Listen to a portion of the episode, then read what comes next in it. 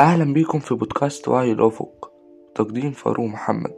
وعنوان حلقتنا النهاردة جائحة إنفلونزا 1918 تنبيه هذا البودكاست ليس سياسيا أو ناقد أو ديني مجرد معبر عن رأيي وإلقاء كتابات بقلمي الخاص.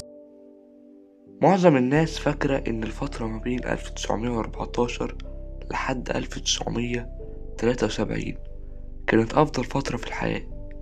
فأحب أقولك أنت غلطان في حاجة لأن كل حاجة ليها سلبيات وليها إيجابيات.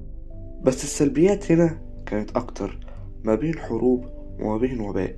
فترات طويلة نقدر نقول الحياة بدأت تستقر مثلا من بعد تحرير سيناء ما بين جائحة إنفلونزا سنة 1918 أو بمعنى تاني نقدر نقول إنفلونزا أسبانية. انتشرت في نهاية الحرب العالمية الأولى في أوروبا والعالم وأخذت ملايين من الناس. اتسببت الجائحة دي في نوع خبيث من المرض المدمر اللي كان متحول من الفيروس ده H1N1 واللي كان بيتميز بسرعة العدوى. الإحصائيات كلها قالت إن 500 مليون شخص أصيبوا بالمرض ده وما بين 50 ل 100 مليون شخص اتوفوا. وده يعادل ضعف المتوفين في الحرب العالمية الأولى. الغالبية العظمى من ضحايا الوباء كانوا البالغين واليافعين والأصحاء بعكس أي حاجة بتحصل في فيروس تاني. عادة ما بيستهدف كبار السن والأطفال والمرضى وضعاف المناعة.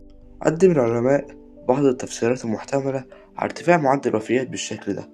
ظهر بعد التحليلات إن الفيروس قاتل بشكل خاص لأنه بيسبب عاصفة السيتوكين اللي بتشتغل على تخريب جهاز المناعة. وفي عام 2007 ظهر تحليلات للمجالات الطبية من فترة وباء إن العدوى كانت أقوى فيروس من أي فيروس جه قبل كده وإضافة لأن سوء التغذية والمخيمات الطبية وقلة النظافة بيعززوا من العدوى البكتيرية. وكده تبقى خلصت حلقتنا. وسؤال الحلقة هل من وجهة نظرك الفيروس يقدر يقارن بفيروس كورونا؟ تقدر تجاوب على صفحة تويتر واسمها بودكاست وعي الأفق. ودلوقتي بقى عندنا قناة على اليوتيوب واسمها بودكاست وعي الأفق.